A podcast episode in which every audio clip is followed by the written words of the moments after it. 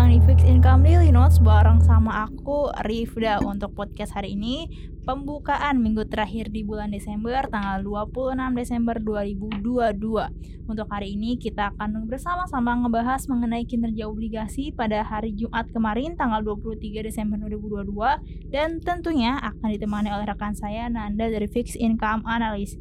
Halo Nanda. Halo Rifda. Oke Nanda, boleh langsung dijelasin aja nggak nih kinerja obligasi kita pada hari Jumat kemarin ini gimana? Oke, kinerja pada minggu kemarin ternyata ditutup mengalami penguatan sebesar 0,05% dan ada di level 344.13 dari sisi volume tercatat untuk uh, obligasi pemerintah sebesar 10,7 triliun sedangkan korporasi tercatat sebesar 1,5 triliun seperti itu. Oke, kalau dari indeks return total atau composite bondnya sendiri kan mengalami penguatan kinerja nih, yang artinya yieldnya kan turun nih Nanda. Nah, kalau dari seri benchmarknya sendiri gimana nih? Oke, dari seri benchmark sendiri untuk FR90 masih stabil dengan FR91 dan 92.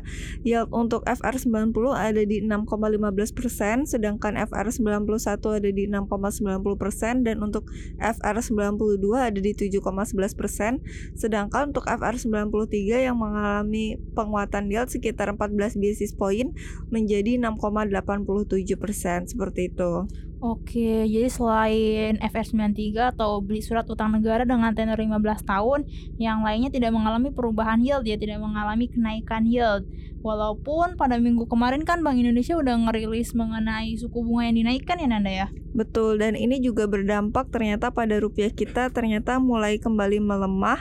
E, kemarin untuk uh, rupiah sendiri posisinya ada di 15.650 per dolar Amerika Serikat dan itu akibat juga dari RDGBI yang telah dilaksanakan yang mengalami kenaikan suku bunga acuannya sebesar 25 basis point yang seperti dikatakan tadi seperti itu.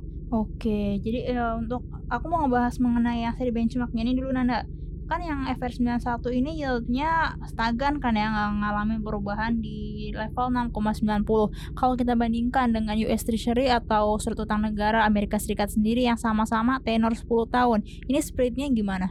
Oke, kalau untuk di Amerika Serikat sendiri justru uh, juga sama mengalami penguatan sekitar 7 basis point ada di 3,75% untuk yieldnya diakibatkan dari data di Amerika Serikat sendiri yang telah merilis terkait uh, apa uh, tingkat tahunan PCE inti di Amerika Serikat yang merupakan ukuran inflasi dari Fed sendiri ternyata mengalami penurunan sekitar 4,7% di November, sedangkan di Oktober itu ada di 5%, sehingga hal tersebut memicu kekhawatiran bahwa The Fed ini masih akan mempertahankan kenaikan suku bunganya lebih lama karena uh, The Fed sendiri mengindikasikan untuk uh, sasaran inflasi di 2%, sedangkan untuk kenaikan suku bunganya di 2023 ini mencapai di atas 5% seperti itu. Oke, jadi emang emang kenaikan tingkat suku bunga ini kita lihat bakal terus berjalan sampai tahun 2023 ini ya Nanda ya. Inflasi sekarang aja uh, dari FCA ini 4,7 persen di bulan November sedangkan targetnya kan 2 persen jadi masih cukup jauh untuk mencapai target tingkat inflasi yang diharapkan oleh The Fed sendiri. Betul. Oke, uh, lalu untuk uh, mengenai credit default swap ini gimana? Untuk kredit default swap masih stabil di 96.96 dengan probabilitas defaultnya sekitar 1,62 persen.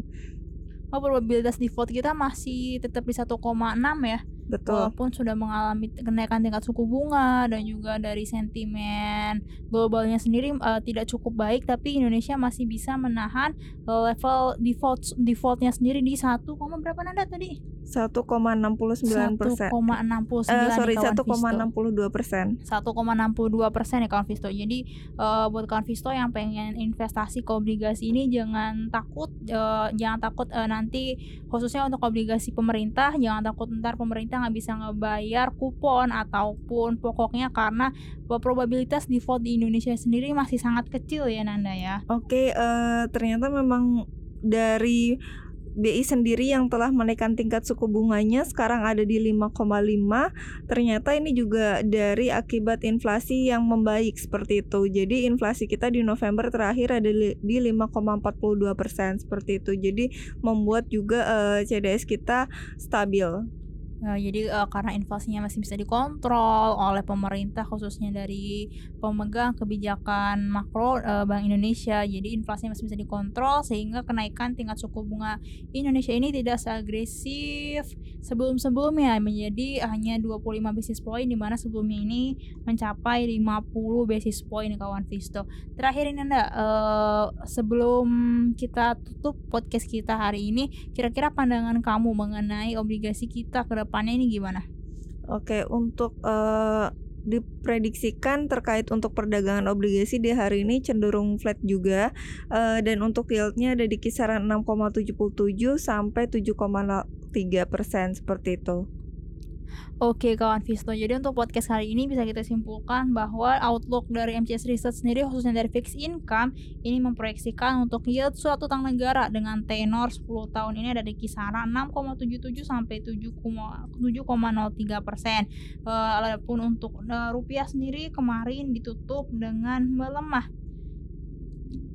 Oke Konvisto untuk podcast Fixed Income Daily Notes hari ini kita sudahi di sini. Buat kalian yang pengen tahu lebih banyak tentang investasi saham ataupun obligasi, silahkan kunjungi website kami di investasiku.id. Investasiku for better tomorrow.